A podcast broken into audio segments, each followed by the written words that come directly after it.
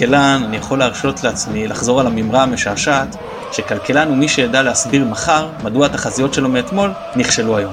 נובחים בירוק פרק 404. מזכירים לכם כרגיל לחפש אותנו ברשתות החברתיות, נובחים בירוק בפייסבוק, ירוק 1913 בטוויטר, יש לנו אינסטגרם ויוטיוב וטיק טוק ואפל פודקאסט, גוגל פודקאסט או כל אפליקציה אחרת שבה אתם מאזינים להסכתים. לחצו subscribe ויהיו הראשונים לקבל עדכון על כל פרק חדש שלנו שיוצא. אה, מתארח אצלנו היום ואנחנו מאוד שמחים וגאים לארח אותו, אלכס קומר שהוא פרופסור לכלכלת ספורט במחלקה לניהול ספורט באוניברסיטת מולדה שבנורבגיה. אלכס, מה שלומך? מצוין, תודה רבה, איזה כיף uh, להתארח ממולדה רחוקה לישראל הקרובה לליבי. כיף לנו שאתה מתארח אצלנו. אמ, אז אה, אלכס, כמו שהבנתם, הוא מתעסק בכלכלה וספורט והקשר ביניהם. אז אה, בואו קצת נתחיל לגעת בדברים, זה כמה נושאים מרכזיים ומהם אפשר לפתח כמובן דיונים לאיזה כיוון שיתחשק לנו. אז בואו נתחיל עם הסיפור שראיתי שכתבת על זה כתבה מאוד מעניינת, שווי שחקנים כמנבא להצלחה ואולי לפני שאנחנו ניגע בשווי שחקנים כמנבא להצלחה, איך בכלל מעריכים שווי של שחקן? אז תשמע, אה, כמו שפתחת ואמרת תחזיות וכאלה, אה, קשה מאוד לנבא.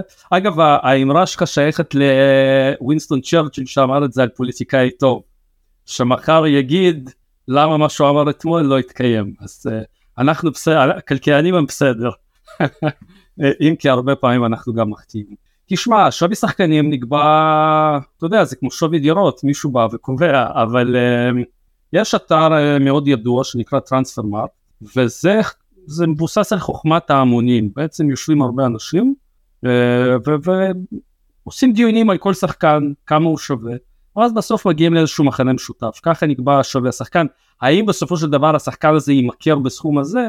כנראה שלא, אבל אגב לאחרונה הרבה קבוצות אה, מסתכלות על שווי השחקנים כבסיס למשא ומתן זה בעצם כמו מחירון רכב הרי בסוף אה, אתה יודע לא מוכרים רכב לפי מחירון אבל זה איזשהו בנצ'מארק איזושהי, איזושהי נקודת ייחוס שבהתאם לנקודה הזאת כבר מתחילים אה, להתדיין בקשר לשווי השחקן. יפה. אה, אני אגיד שני דברים על זה ברשותך. אחד שבעבר כבר תועדו מקרים של לחצים מצד אי אלו גורמים שמקורבים לשחקנים וטרנספרמרקט באמת שינו שווי כאילו הם גם אה, אה, נתונים ללחצים ואינטרסים שזה כדאי לציין. והדבר השני אה, בענף שלי אני רואה חשבון אז אומרים ששווי הוגן היא עסקה בין קונה מרצון למוכר מרצון שנעשית בתום לב ולא מושפעת מצדדים אה, קשור, אה, מקורבים אחד לשני. בכלי רכב שציינת אתה אומר האוקטביה הזו והאוקטביה הזאת זה בעצם אותו דבר אז היא אפורה והיא לבנה זה לא באמת משנה. פה אין שחקן שהוא זהה לשחקן אחר ולכן כמובן הרבה יותר קשה אה, לדייק במחירים האלה. אני אני קודם כל מסכים איתך לגמרי אה, במיוחד הדברים נכונים לגבי הטיות כלשהן זה אה, בליגות קטנות. יש הרבה מחקרים שמראים אה, בוא נגיד אה, אם אני לא טועה בליגה האנגלית המודל שמשתמש אך ורק בשווי השחקנים מסביר משהו כמו 80% מההשתנות של מיקום בליגה ששם באמת זה בסוף מגיע לדיוק די גדול. עכשיו מה שחשוב זה לא רק השווי עצמו מבחינת מספר מוחלט אלא גם היחסיות בין הקבוצות כן אמ, וכן זה לא מדויק תשמע כשאני עושה טעות בכיתה אני תמיד אומר תשמעו חבר'ה כלכלה זה לא מדע מדויק אפשר לטעות. אוקיי, עכשיו בוא נדבר על שווי של קבוצה ושל שחקנים כמנבא להצלחה. מה, יש מטעם חיובי בכלל, האם יש מטעם חיובי בכלל? אני מניח שכן, אבל כמה הוא חזק? עזוב מטעם חיובי, זה מטעם מאוד גדול. אני התכוננתי היום ל... לשיחה איתך והרצתי את המודל הזה בליגה הישראלית, על ליגת העל. ותשמע, רגרסיה נורא פשוטה, אני לא אלאה את המאזינים, הם יסגרו את הפודקאסטים, אני אתחיל לדבר על רגרסיות. אגב, אקונומטריקה זה, זה בהסכת פה ליד. כן. תקשיב, יש לי סיפור על אקונומטריקה ומכבי חיפה מתואר שני שלי, עם אה, בחור בשם גיא ברצור, אה, חבר שלי טוב אה, שלמדנו ביחד, והוא גם עוד של חיפה. אני אספר אחרי זה. בקיצור, תזכיר לי לספר את הסיפור. אז, אז הרצתי את המודל וראיתי שבערך בין 50 ל-60 אחוז מהשתנות מיקום הקבוצה בליגה על פני 12 שנים אחורה עשיתי את זה. אה, מוסבר על ידי רק אה, טרנספרמרק.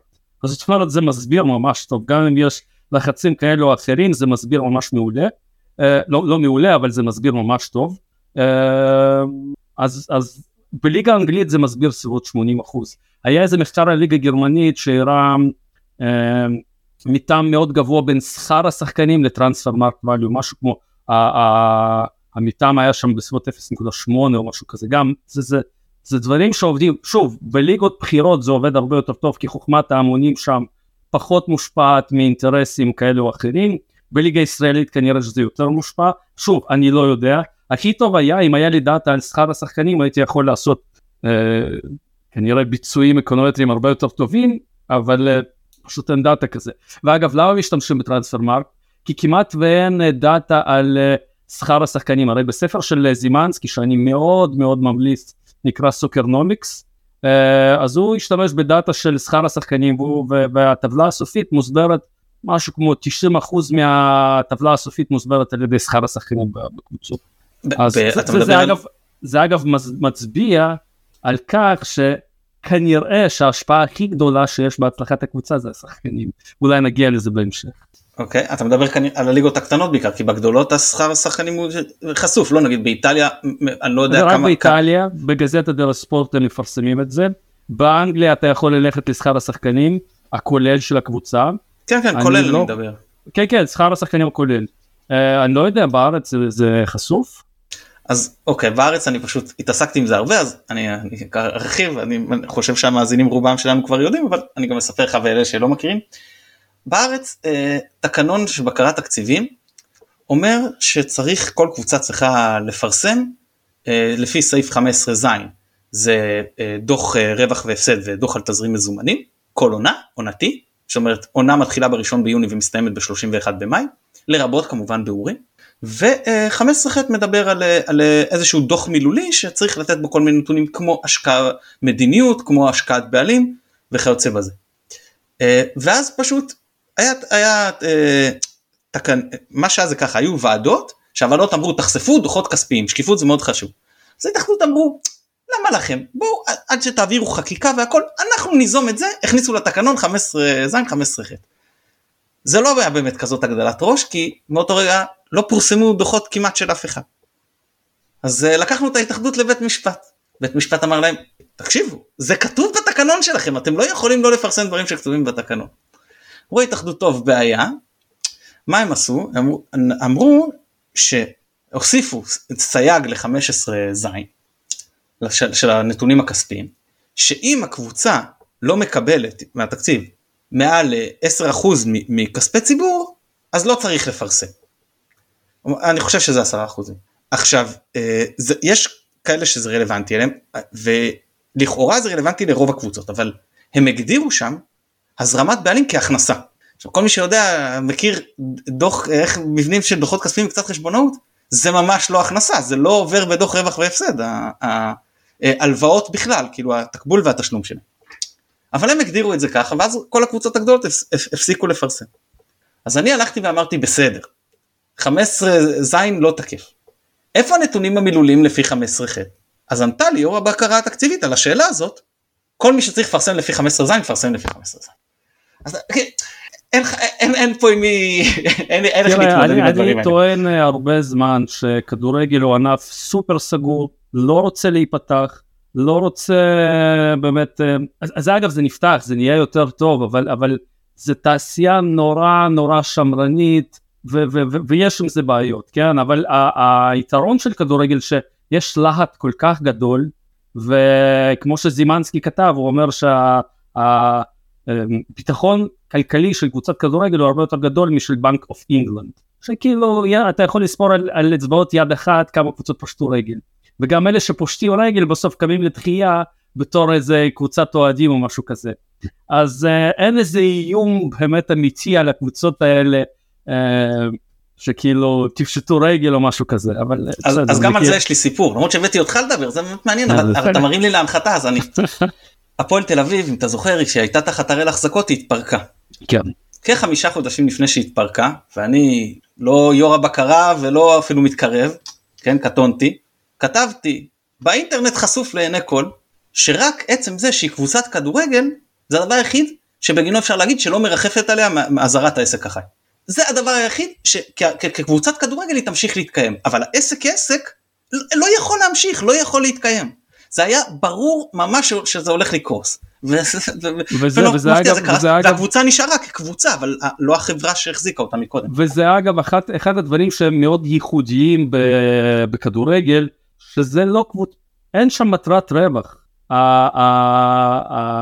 המטרה פה זה להשיג נקודות, והאמת, אני לא בטוח שזה כזה רע לנו כאוהדים, אני לא בטוח שאנחנו רוצים שהקבוצות יהיו קבוצות רווחיות, להגיד לך את האמת, כי למה?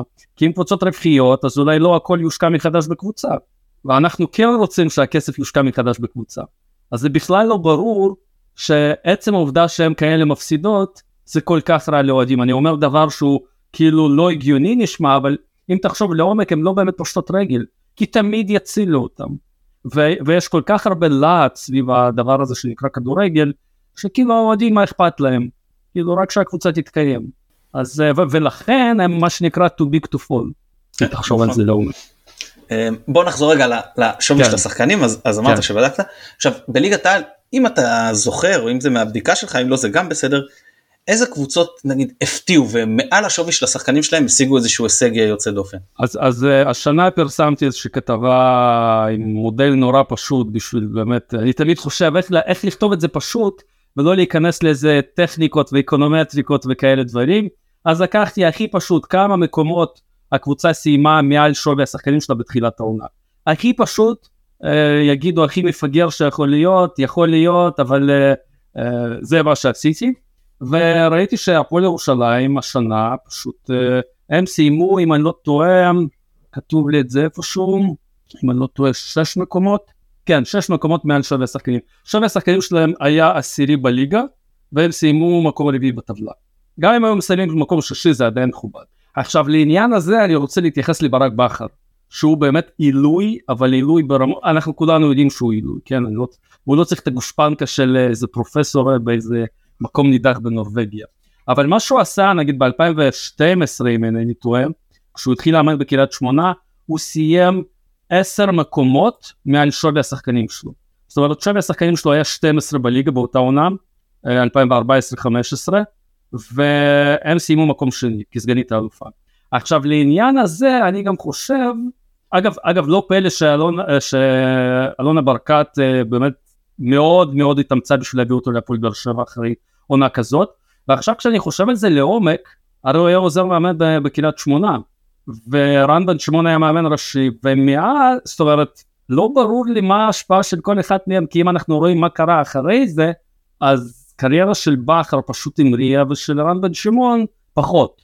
אה, כאילו כשהוא הגיע לקבוצות גדולות לא כל כך הלך. כן, אם כי באשדוד גם... הייתה לו קדנציה יפה מאוד. לא כל אתה אני לא חושב שאתה אתה צודק וטועה.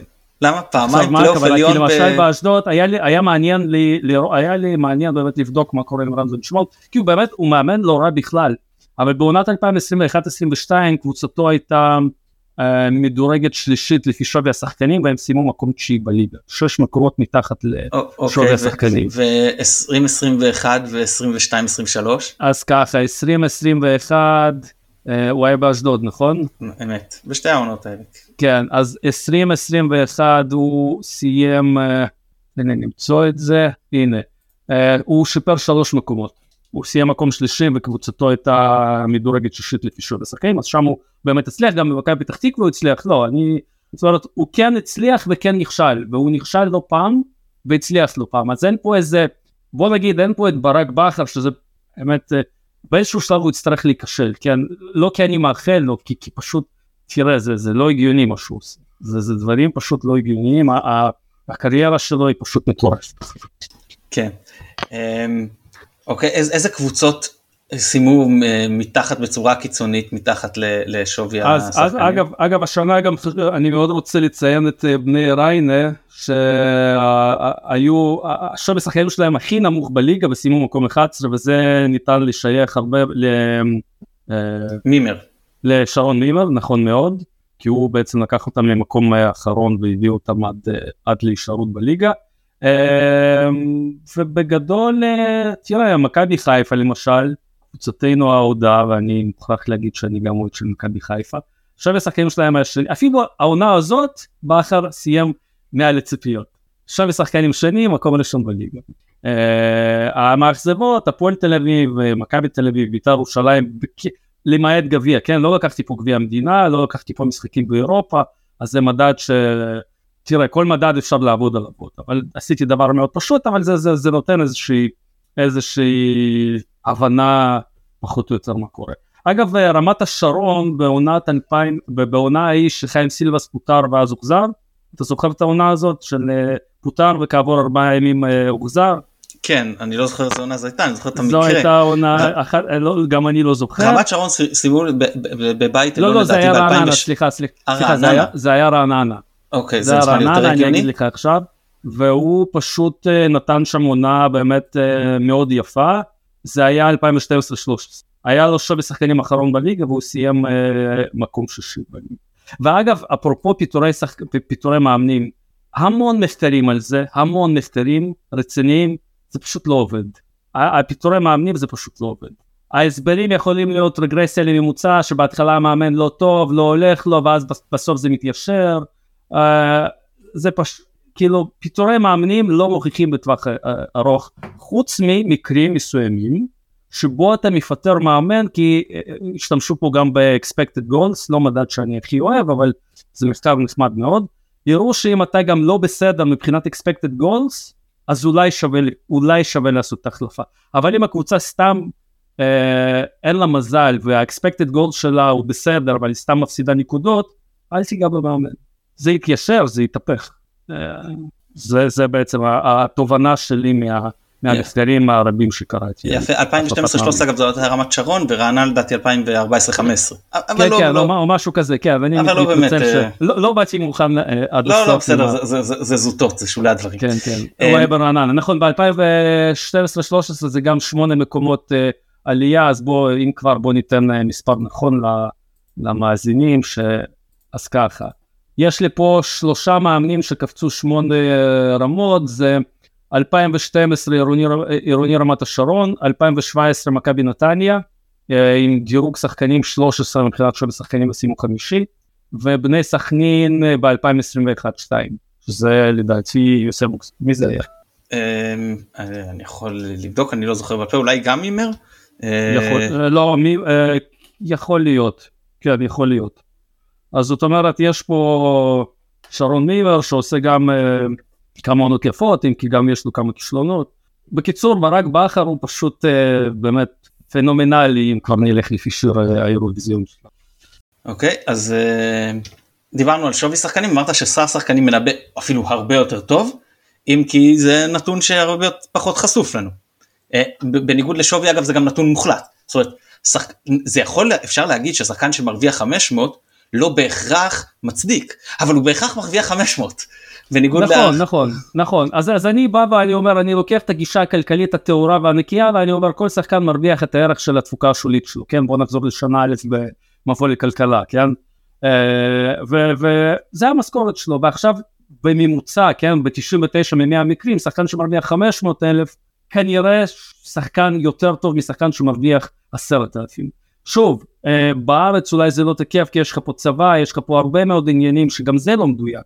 כן, אבל אמ, אלה הדברים שיש. בסוף, אם רוצים לעשות איזשהו מודל, כי גם חייבים להתאים את רמת הציפיות, כי אם עכשיו אתה מביא מאמן לקבוצה עם שווי שחקנים מאוד נמוך, ואתה שם לו למטרה להגיע לאירופה, זה פשוט מטרות לא, לא, לא ריאליות, ולכן, שוב, אני בא ועושה לפי תיאוריה כלכלית הכי פשוטה, הכל בהתאם לרמת הציפיות.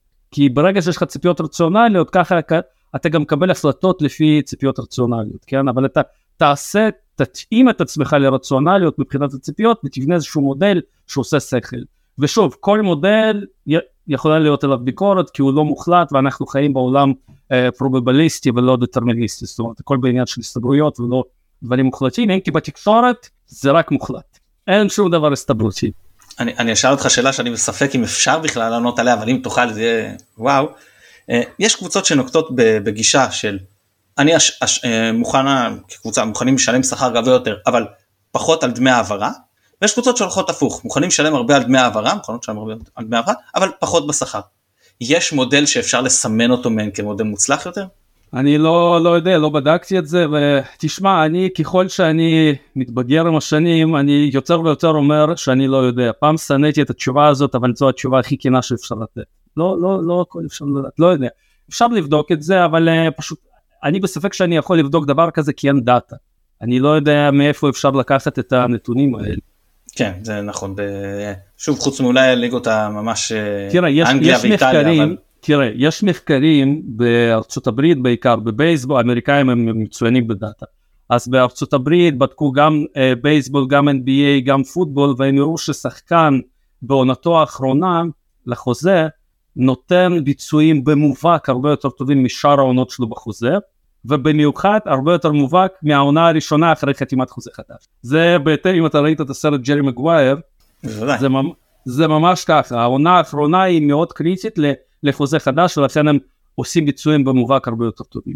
Uh, זה, זה המחקרים ש, שכן uh, אני מכיר לגבי אחוזים. כן אבל מבנה שם מאוד שונה כל המבנה של השכר עם התקרות שכר גם הקבוצתיות גם האישיות אין, אין העברות רגילות של רכישת שחקן זה עובר ב, ב, בגדול אבל, למעט אבל מאוד גם שם יש פרי אג'נסי יש פרי אג'נסי יש פרי אג'נסי שאגב שם זה פרי אג'נסי מוחלט בניגוד לאירופה עד גיל מסוים ש, אה, אה, שיש דמי השבחה מה שנקרא. למרות ששם יש שחקן חופשי מוגבל שזה גם אולי אפשר אה, בוא נגיד ככה השיטה האירופאית היא הרבה יותר סוציאליסטית נקרא לזה הוא הרבה יותר מיטיבה עם השחקנים מאשר השיטה האמריקאית שיטה האמריקאית זה פשוט קרטל סגור שבאמת שם משיאים רווחים ושם אתה uh, מקבל פרס על זה שאתה נכשל בניגוד לאירופה שפה אתה באירופה אתה פשוט יורד ליגה אתה נענש על זה שאתה לא עושה ביצועים טובים. בארצות הברית אתה מקבל פרס בדמות uh, לא ראשונה בדראפט. אז זה פשוט uh, אני לא מבין איך בכלל שמים את ארצות הברית כ- כמודל לחיקוי בכל מה שקשור לאיך הליגה צריכה להתנהל. אני בכלל לא בטוח ש- שזו השיטה שאנחנו אוהבים. ואגב ראינו שיש ערך לתרבות ולמסורת. כשהקימו את הסופר ליג השיטה הסגורה האמריקאית תראה איזה צעקה קמה באמצע קורונה כן כל, הכותר, כל כותרות העיתונים דיברו אך ורק על, על uh, סופר ליג כאילו כבר פתרו אז את משבר הקורונה זה היה ממש בכותרות הראשונות בכל העיתונים אני כאילו פשוט עשיתי מחקר על איזה משהו אחר וכשאני מציג את זה לסטודנטים אז יש לי שקופית ראשונה עם כל הכותרות בעולם לגבי הסופר ליג. טוב, דיברנו קצת על שכר ושווי, בוא נעבור למשהו אחר קצת, למאמן. כשאנחנו באים אה, לחוות אה, דעה על מאמן, אז יש לנו בגדול את מה שהוא עשה, זאת אומרת הניסיון שלו, מה שהוא עשה עד פה הצלחה, כישלון, אבל ניסיון גם כמספר שנים, קבוצות שהוא עבר בהן, והרבה פעמים מתייחסים גם למה הוא עשה כשחקן. כמה היה פרופיל השחקן, באיזה מסגרות הוא שיחק, אה, כמה גדולה הליגה שבה הוא שיחק. כמה שני הדברים האלה, אם בכלל, יכולים לנבא לנו הצלחה של מאמן? אפס. אפס ניבוי. אולי אפילו שלילי. כן? כי אני, אני אתן לך רשימה, ככה גם פרסמתי איזה טור קטן בוואלה, טור נחמד, ואני מוצא טור שלי, אז בטח הוא נחמד. אז, אז שם התחלתי ככה, יש לך שתי רשימות, רשימה ראשונה דייגו מרדונה, אמ, אני יודע מה, אה, עוד אה, כל מיני שחקנים אה, גדולים, לוטר מטאוס, כן, מאמן מכבי נתניה, בובי מור שהוא קפטן נבחרת אנגליה, uh, וכל מיני שחקנים כאלה ברמות הכי גבוהות, uh, למפרד, כן, זו הרשימה הראשונה, שחקנים גדולים, והרשימה השנייה זה ארי גוסקי, זה תומאס טוחל, זה לא יודע, אברהם גרנט לצורך הדוגמה, שהוא באמת מאמן מצוין. וזה שח... וז'וזה מוריניו, זה שחקנים, זה מאמנים שמעולם לא היו שחקנים מקצוענים, כן? טוחל יש לו איזה כמה משחקים בבונדסליגה השנייה בכל הקריירה שלו. ואז בעצם אני מראה שאין שום קשר, ובדוגמאות האלה זה אפילו קשר שלילי בין עצם היותך שחקן ענק לעצם היותך מאמן uh, מצליח, אין קשר, קשר שלילי, אתה לא מצליח. Uh, ו, ו, וטוב עושים, העולם מתקדם, הכדורגל נפתח, כי כדורגל שוב כמו שדיברנו זה ענף מאוד מאוד סגור, הסיכוי שלך להתמנות לתפקיד בכדורגל עולה פלאים אם אתה היית שחקן עבר באיזה קבוצה, גם אם אין לך שום כישרון ניהולי, שום כישרון כמאמן, אבל בגלל שהיית שם, אז אתה יכול להיות מאמן. ארי גוסקי, אחד המאמנים הגדולים בהיסטוריה של כדורגל, ששינה את הכדורגל לגמרי, אז הוא בזמנו אמר תשמע לא, אתה לא צריך להיות סוס בשביל להיות רוכב סוסים. כן? זו הייתה התשובה שלו לגבי הביקורת שהוא לא היה שחקן. כי הרי האמרה הזאת אני הייתי שחקן אז אני יודע מה אתה שואל אותי בכלל. היא אמרה היא לא, היא לא אינטליגנטית והיא גם לא מוכיחה את עצמה עם הזמן. יתרה מזאת בהתאחדות הגרמנית עשו דבר שהוא מדהים. בקורס מאמנים שלהם השנתי הם שומרים מסך של 66 אחוזים לאנשים שלא היו שחקני עבר אה, מקצוענים. כי המדריך הקורס שלהם האחראי על הקורס כאילו הרחיק לכת והוא אמר שלדעתו לשחקן שוב אני לא יודע להגיד אם זה נכון או לא נכון אבל זה מה שהוא אומר שלדעתו מי שלא היה שחקן עבר יש לו יותר יכולות פדגוגיות אנליטיות ובעצם גם זימנסקי כותב את זה בספר שלו, הוא אומר אה, בסוקרנומיקס, הוא אומר שתשמע, אתה לפעמים מאמין אמונה עיוורת בדברים שאתה עשית ואתה חושב שהם עובדים אבל אף פעם לא הוכחו אחרת, כי אף פעם לא בדקו אם זה עובד או לא עובד. הוא נותן הרבה דוגמאות איך להרים קרן אה, פנימה או החוצה ולא באמת בדקו. אה, יש הרבה קבוצות עכשיו, הברנדפורט אם אני לא טועה, בקבוצה הדנית, אני שוכח את השם שלה.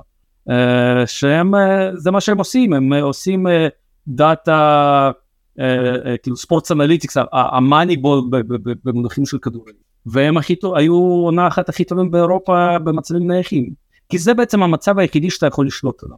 אתה קשה מאוד לשלוט במשחק דינמי איך באמת לתכנן כנראה פפ פפ צוחק עליהם ברגע זה אבל לרוב זה נורא קשה לתכנן הדברים היחידים שאתה יכול לתכנן זה ממצב נייח. אמ, אז לעניין הזה כדורגל נפתח יש יותר ויותר מאמנים שלא היו שחקני עבר אה, וטוב שכך. היום לי היום היה לי איזה דיון בטוויטר לגבי אדווין ונדר סאר שפוטר אה, מאייקס כמנכ"ל ואני שאלתי שאלה נורא פשוטה שאלתי תגידו מה בדיוק מה למה, למה כאילו אנשים מאוכזבים? אמרתי מה אתם מאוכזבים?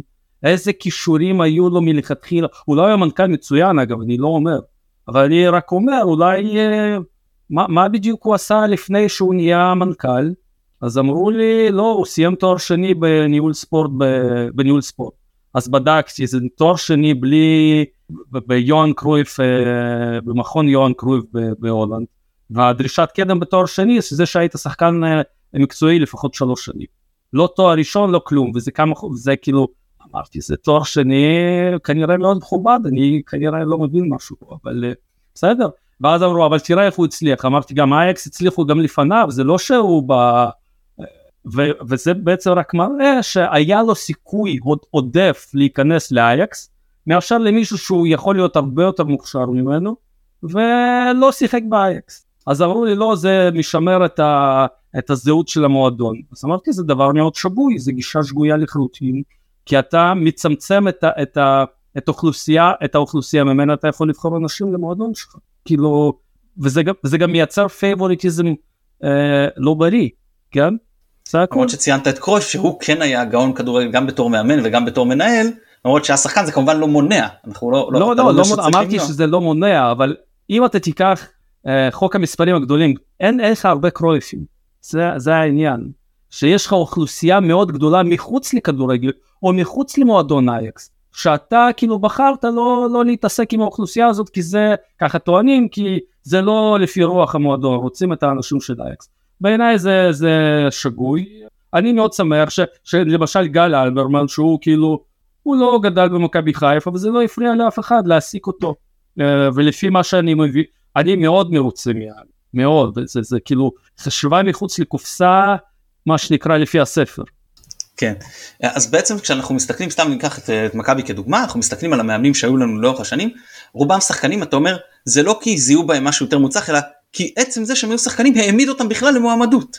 נכון, תראה זה גם, אה, אה, תראה זה גם אפשר לבוא לבעלים, הרי תחשוב אתה בתור נער רציונלי אתה רוצה כמה שפחות רעש, אז אתה תעסיק עכשיו איזה שחקן עבר שהקהל אוהב, נגיד עודד קטש כזה בקדנציה הראשונה שלו במכבי תל אביב.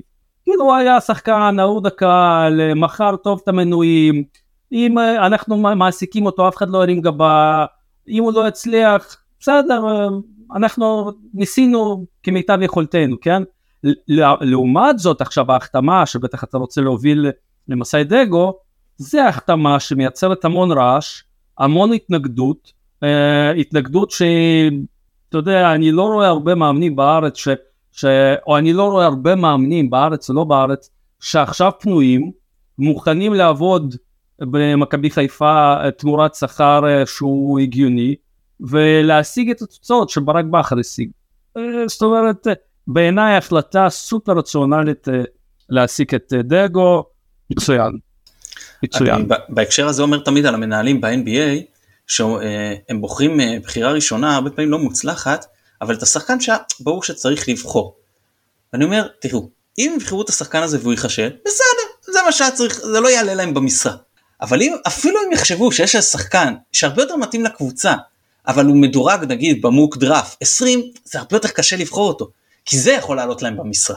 וזה, וזה נקרא The Winner's Curse. יש אפילו מחקר של זוכה פרס נובל ריצ'רד טלר על הבחירה הראשונה בדראפט ב-NFL שהוא מראה שבצורה מובהקת זה בחירות פשוט גרועות. וזה לא אני אומר זה נובל זה זוכה פרס נובל לכלכלה אז אפשר לסמוך שזה מחקר רציני.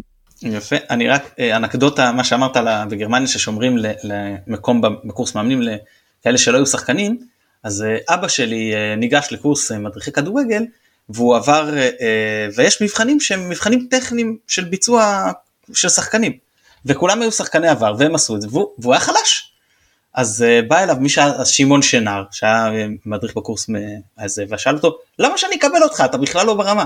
אז הוא אומר לו תראה אני בא מחבל אשכול בדרום הארץ. יש שם ילדים שאם אני לא אאמן אותם, אף אחד לא יאמן אותם. ואז הוא הכניס אותו לקורס בגלל התשובה הזו שהוא רצה שלאותם ילדים יהיה מאמן. אז, אבל, אבל עצם השאלה, כאילו הגיע ממקום של יש לך יכולות לא מספיק טובות כשחקן, למה שניתן לך להיות מאמן?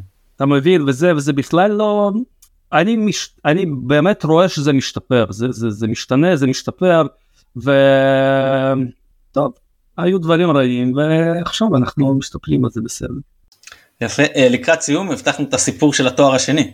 טוב אז uh, למדתי באוניברסיטת בן גוריון uh, ולקחתי קורס באקונומטריקה שבאמת זה, זה קורס אחד הקשים אם לא הכי קשה שלקחתי. היו שם באמת זה, זה אלגברה ליניארית במסווה של אקונומטריקה כן? ודברים לא, לא, לא פשוטים. ואז למדתי למבחן זה היה ב2005 אם אני לא טועה והגיע מכבי חיפה הגיעו לשחק בבאר שבע.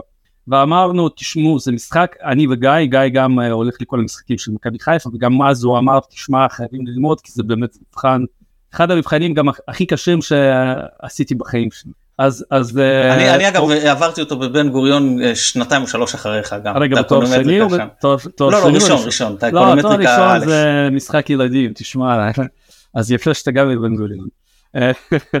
אה, אז אז אה, למדנו למבחן ותשמע היינו באמת עייפים זה שבוע שאתה לומד מ-8 בבוקר עד 12 בלילה רצוף משהו ואז יום לפני אה, זאת אומרת למחרת יש מבחן ויום לפני מבחן יש את המשחק של מכבי חיפה נגיד באר שבע בווסרמין עוד המיתולוגי ואמרנו ואמרנו לא לא לא נלך חייבים לנוח לפני המשחק ואז אני מגיע הביתה והיה לי דגל אירלנד מעל המיטה.